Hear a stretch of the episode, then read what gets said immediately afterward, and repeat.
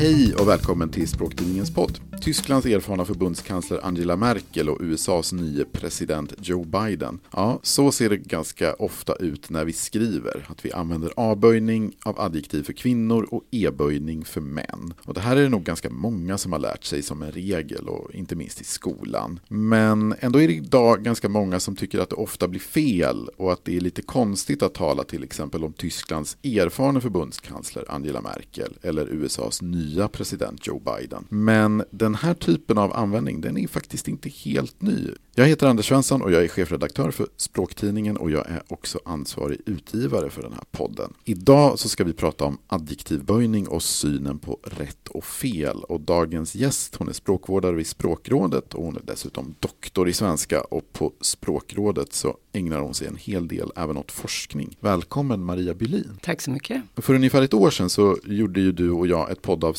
om synen på fult och fint språk genom tiderna och där talade vi bland annat om det estetiska argumentet om hur språkvården historiskt har förhållit sig till vad som då betraktas som vacker svenska. Och idag så ska vi alltså prata om adjektivens A och E-böjning. Det här, är det en fråga som också har en sån estetisk dimension? Ja, lite grann. Det är liksom en stilistiskt betingad variation också. Så i den meningen kan man ju säga att det handlar om språklig estetik. Men det är kanske inte så mycket de argumenten som hörs, utan det är mycket mer ideologiskt laddat. Och det är liksom konflikt mellan sånt som man uppfattar som grammatiska regler, rätt eller fel, och ideologiska, språkideologiska tankar om hur man ska markera eller inte markera kön. Själv så får jag ju ganska mycket mejl om, om just den här frågan. Det är ju långt ifrån den vanligaste språkfrågan. Alltså på irritationstopplistan är det väl fortfarande typ att det är liksom särskrivningar, var, vart, det, dem, Dem? så. Men jag skulle nog, om jag skulle gissa så skulle jag nog ändå säga att AE-böjning, ja men den är nog på typ topp 20 i alla fall om jag liksom skulle försöka sådär översiktligt analysera innehållet i min mejlkorg. Men jag tänker, hur vanligt är det att skribenter hör av sig till språkrådet med frågor om just då AE-böjning av adjektiv? Adjektiv? Nej, men det är också ganska vanligt. Så jag skulle säga det är väl en rimlig bedömning. Topp 20-listan, den kvalar in där, men det är inte en av de tio vanligaste precis. Och då blir jag lite nyfiken på förstås, i och med att det ändå är rätt många som hör av sig. De som kontaktar språkrådet just i den här frågan, är de upprörda när de hör av sig? Mm, ibland är de lite irriterade, men väldigt ofta förvirrade, osäkra. Och det måste man väl ändå säga, att om man känner sig osäker på den här punkten i svenska språket, så då ligger man väl i linje med forskningsfronten kan man säga. Och just osäkerheten, kan den vara till exempel om man ser en formulering som Ulf Kristersson kan bli Sveriges nya statsminister? Kan det vara en sån osäkerhet? Ja, det är folk osäkra på och folk kan också bli irriterade på det och tycka att när det är en man man talar om så borde det alltid vara e. Men det är en sån grej som, så har det aldrig varit, utan det har alltid funnits den här möjligheten att använda A även för män. Ja, för det är det vi lite ska prata om faktiskt i det här avsnittet och gå, gå på djupet där. Du och jag, vi är ju båda födda i mitten på 70-talet och i skolan så, om jag försöker minnas, så har jag för mig att jag, jag fick lära mig ja, men just då det här, den här huvudregeln att e-böjning användes om män och a-böjning om kvinnor. Så att man skulle då tala om den erfarne mannen och den erfarna kvinnan. Det här presenterades väl, åtminstone då så vitt jag minns då, att så här har det alltid varit och det är så här det ska vara om du till exempel skriver den eh, erfarne kvinnan så är det tydligt fel. Så, så det fanns ju liksom en tydlig koppling mellan kön på personer och adjektivböjningen. Men du har ju som sagt studerat det här. Resultaten är ju, de är ju intressanta. Komplexa kan vi kalla dem. Precis så, för den här föreställningen då om att det tidigare har funnits ett bruk som varit väldigt enhetligt men som nu befinner sig i någon slags upplösningstillstånd. Är det lite av en myt? Det tror jag att det är. Det ser man ofta i frågorna som kommer. Just den här som du speglade också, att jag fick lära mig det här i skolan. Är det på väg bort? Eller liksom, jaha, nu ska vi vara könsneutrala. Men skriver man fortfarande den erfarne mannen och den erfarna kvinnan och sådär. Så då kan man ju se att det finns den här föreställningen om att förut var det minsann ordning och reda och alla gjorde på samma sätt. Så var det inte. Det var ju något av det roliga när jag tittade bakåt. Det finns en artikel av Esaias Tegnér, slutet av 1800-talet, där han beskriver ett system som ser precis ut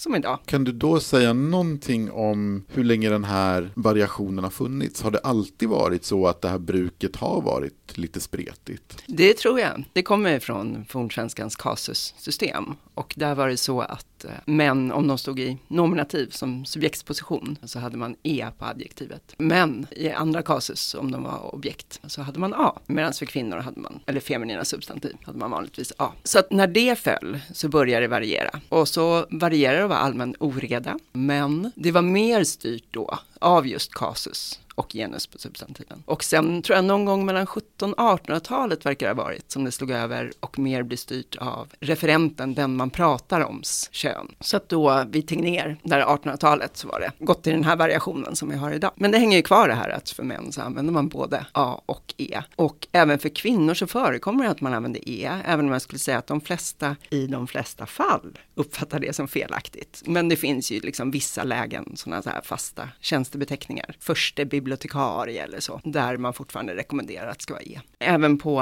1700-talet så var det liksom oreda och grammatikerna som skulle ge liksom regler och rekommendationer var väldigt osäkra. Så då skulle man egentligen kunna säga att vi skulle nästan kunna kapa den här podden nu, avsluta och säga att så här, ungefär så här har det varit sedan 1700-talet. Ja, lite så. Det har nog förändrats en del där också och blivit mer orienterat mot det semantiska. Det handlar jättemycket om att språket förändras och att genus, där man tidigare hade tre genus, så har det blivit två. Och där har ju språkbeskrivningen också varit väldigt seg i att börja beskriva det som två genus. Hur ser språkvårdens rekommendation ut idag? Alltså ska vi hålla oss till den här traditionen om att använda e-böjning för män och a-böjning för kvinnor? Alltså, ett råddigt bruk ger ju en råddig rekommendation kan man säga. Språkrådets rekommendationer följer ju alltid bruket och även på detta sätt. Så att i grunden så är väl rekommendationen att man kan göra lite som man vill. Man får räkna med att det alltid är någon som blir irriterad. Vi avråder från just E för kvinnor. Min gode granne Elsa är liksom ingen bra idé. Men däremot förste bibliotekarie Elsa går ju bra. Liksom. Sen har vi också en bok som Jämställt språk, där man har, jag tycker den är väldigt härlig, den meningen är, kanske kan man ändå försiktigtvis anmoda tveksamma språkbrukare att försöka använda A-former i de flesta fall. Och den meningen kan man ju garva åt för att den är så försiktig. Det har jag gjort också med Karin Milles som har skrivit den. Men sen när jag hade forskat om det här i ungefär två år, så måste jag ändå liksom betona hur insiktsfull den rekommendationen är. Det är liksom så knepigt och råddigt är det. Så om jag då skulle kontakta språkrådet idag, kontakta rådgivningen och så har jag en fråga ja, men som gäller till exempel det här exemplet som jag hade innan, USAs nye president Joe Biden. Om jag skulle höra av mig och säga hej, jag funderar på att skriva USAs nya president Joe Biden. Skulle du som språkvårdare, skulle du ge tummen upp åt det alternativet? Jag skulle definitivt ge tummen upp. Sen kanske möjligen att jag skulle tillägga en fråga om vilken genre eller vilken typ av text du skriver. Det är vanligare, ju mer formell texten blir, desto vanligare är det att man har E för manliga referenter. Så det kanske jag skulle haka på, men jag skulle definitivt ge tummen upp.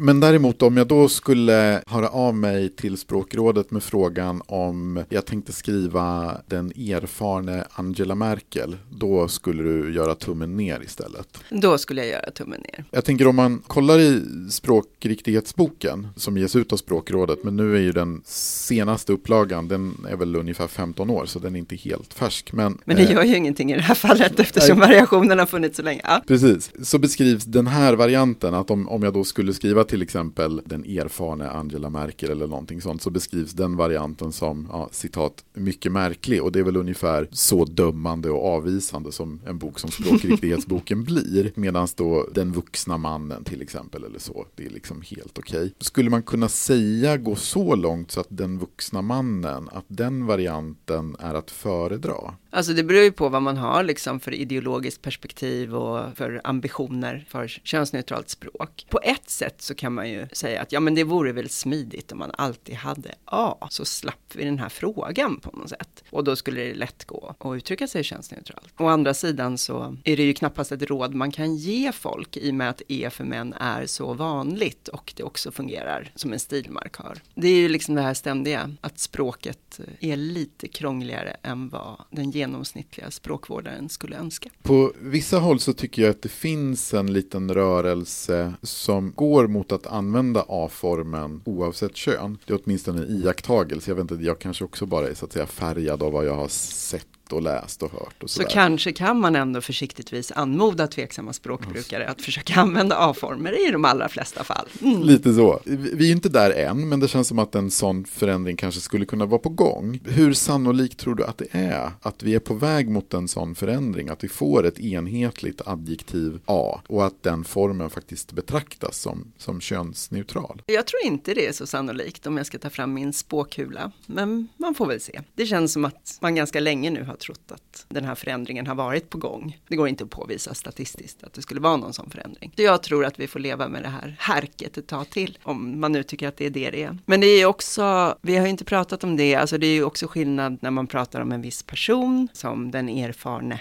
statsministern eller vad det vara månne. Eller om man pratar om personer i allmänhet eller när man inte vet vem man riktar sig till. Det här är bäste kund eller bästa kund är ett evigt problem för de som skriver brev. Eller när man använder adjektivet utan att det kommer ett substantiv efter och pratar om den enskilde, den skattskyldige. Då är det ju inte lika lätt och glatt råda folk att använda ett A där. Och då tolkas A och E lite annorlunda än när man pratar om enskilda personer. Så att det blir knepigare och knepigare ju mer man fundera på saken. Ja, för just det där är ju intressant, det här hur man ska skriva eller säga när man inte riktigt vet. Att om jag skulle sitta här, vad vet jag, och skriva en artikel som handlar om regeringsbildningen i Sverige efter nästa val och så kanske jag, och det kommer gissningsvis bli ganska knepigt att bilda en regering och så kanske det är just det jag skriver om. Den nya statsministern kommer att stå inför en svår uppgift. Eller den nya statsministern. Så just i ett sånt läge när, vi, när jag inte kanske har en aning om vem den framtida statsministern är, men jag vill ha liksom den formuleringen. Hur ser rekommendationen ut där? Skriver jag nya eller nya? Där finns det väl ingen rekommendation, utom att försiktigtvis möjligen i osäkra fall använda A. Så att den lutar väl mot A. Men i princip så är det så att det är inte en rekommendation man kan ge och säga att så här, använd A så kommer ingen att klaga. För det kan man inte utlova, utan det är snarare så att vilket du än väljer så kommer någon reagera. Och det är väl så då helt enkelt som det ofta är, att, att vi befinner oss i en situation där det finns då, eller mycket länge har funnits variation. Och då är det kanske snarare så att då har vi lite olika språkkänsla. Och när vi har olika språkkänsla eller kanske har fått lära oss att det ena är rätt och det andra är fel, ja, så kolliderar det där. Mm, nej, precis så är det. Och det finns liksom ingen, inget neutralt val. Och det finns heller ingen given riktning att gå i, eller allting beror också på hur man ser på könsneutralt språk och vad det skulle vara. Det är rörigt. Om vi tar upp den där trådarna med just om det könsneutrala språket så i allmänhet så skulle åtminstone jag säga att språkvården i Sverige ja, men strävar mot könsneutrala former i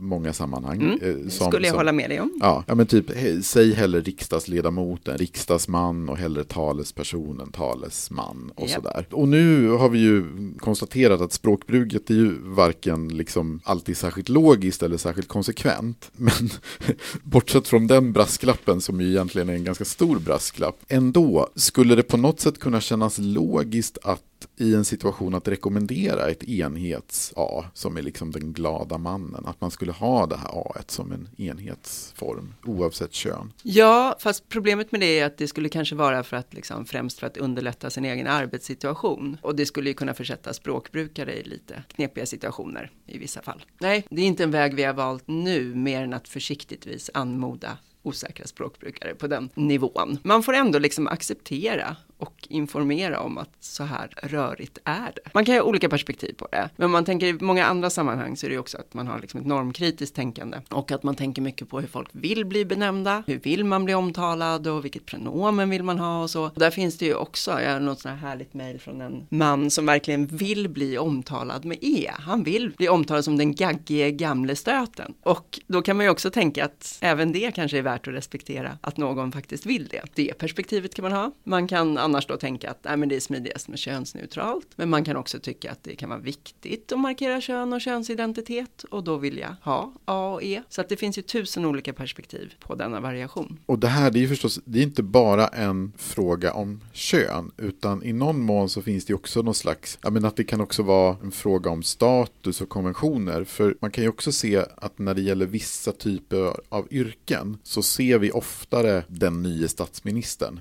även fast vi kanske vet att den här statsministern är en kvinna. Vad finns det för mönster bakom det bruket? Nej, men det finns de mönster du är inne på, att just de positioner, det är oftast nominalfraser där det finns den här typen av, kanske inte tjänstetitlar, men liksom yrkesbeteckningar eller positioner. Så det är väldigt vanligt med den nya ordföranden Else-Marie Svensson, den nya lagledaren Frida Dahlgren eller den nya tränaren, sporten, liksom de positionerna i sporten verkar vara ganska e-benägna. Så att det finns väl en koppling där med att det historiskt sett och traditionellt har varit män på de positionerna och att det lättare blir e där, även när det är kvinnliga referenter. Och det kanske också har ett samband med de här väldigt formella fasta tjänstebeteckningarna där man liksom säger att de är fasta just för att de inte har, de har ingen böjning, inre böjning, som första arkivarie eller ständige sekreterare. Fast där bröt ju Sara Danius med det och var den ständiga sekreteraren. Men det mönstret kan ju också spela in. Men om mönstret det ser då ut ungefär som så att det kan dels vara ja, positioner som är förknippade med makt kan man säga, där mm. som traditionellt varit en... Chef, polis, soldat. Ja, men så områden som ja, men tidigare var väldigt manligt dominerade ja. och som då även sport sporten som också länge var ja, en ganska manlig arena men som nu ser helt annorlunda ut. Att är det, men är det de här, då att de här E-formerna är lite starkare, ja men just inom olika domäner där, där mannen har på olika sätt varit så att säga, ja men fungerat som norm helt enkelt. Ja, så tycker jag att man kan beskriva det, det stämmer. En annan sak som jag funderar på, även om då den här variationen har funnits väldigt, väldigt länge, har du sett någon typ av mönster när det gäller, men liksom har någon variant ändå varit tydligt starkare eller har det här bruket, har det alltid varit den här liksom så väldigt spretigt?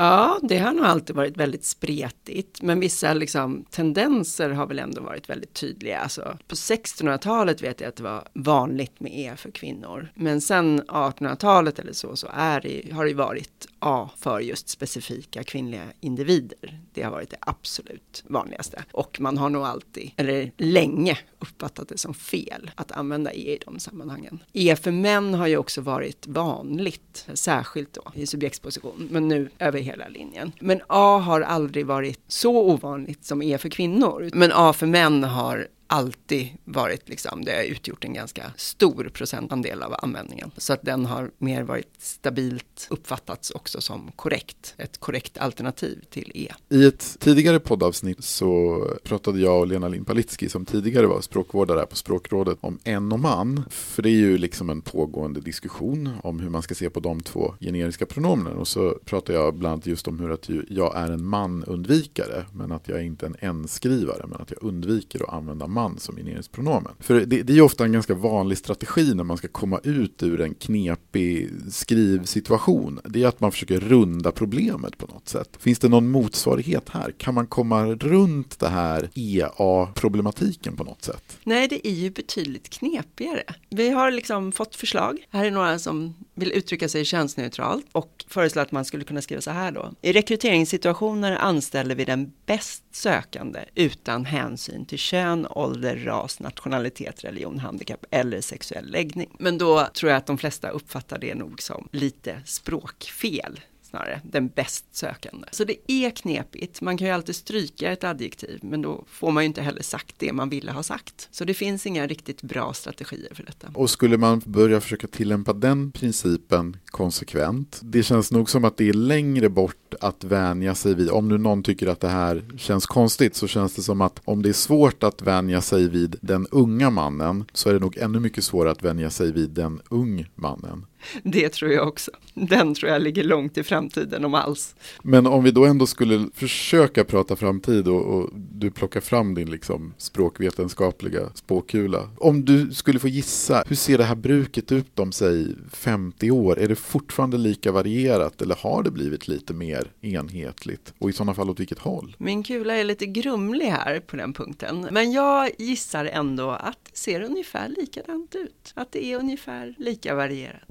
Möjligen kan det gå åt A, men nej, jag är inte så säker på det. Så om du hoppar in extra som språkvårdare här om 50 år och jag då fortfarande vid mina förhoppningsvis sinnens fulla bruk, både vi då båda strax före vår respektive 100-årsdag. Om jag ringer här då om 50 år så kommer jag kanske få ungefär samma rekommendation. Ja, jag kommer med lite raspigare röst säga att det här är smällar du får ta Anders, men försiktigtvis anmoda dig som osäker språkbrukare att använda A. Då säger jag tack så mycket Maria Berlin. Tack så mycket. Och tack till dig som har lyssnat. Språktidningens podd är tillbaka med ett nytt avsnitt om ungefär en månad. Du får gärna prenumerera på oss i din poddtjänst och också gärna ge oss en recension eller ja, ett betyg av något slag. Det sägs att de algoritmer som styr sånt där, som ger rekommendationer, gillar sånt. Så att gör gärna det. Du får också gärna följa oss i sociala medier så att du inte missar något avsnitt. Vi finns på Facebook, Instagram, Twitter och LinkedIn. Om du är nyfiken på Språktidningen och vill teckna en prenumeration så kan du gå in på språktidningen.se.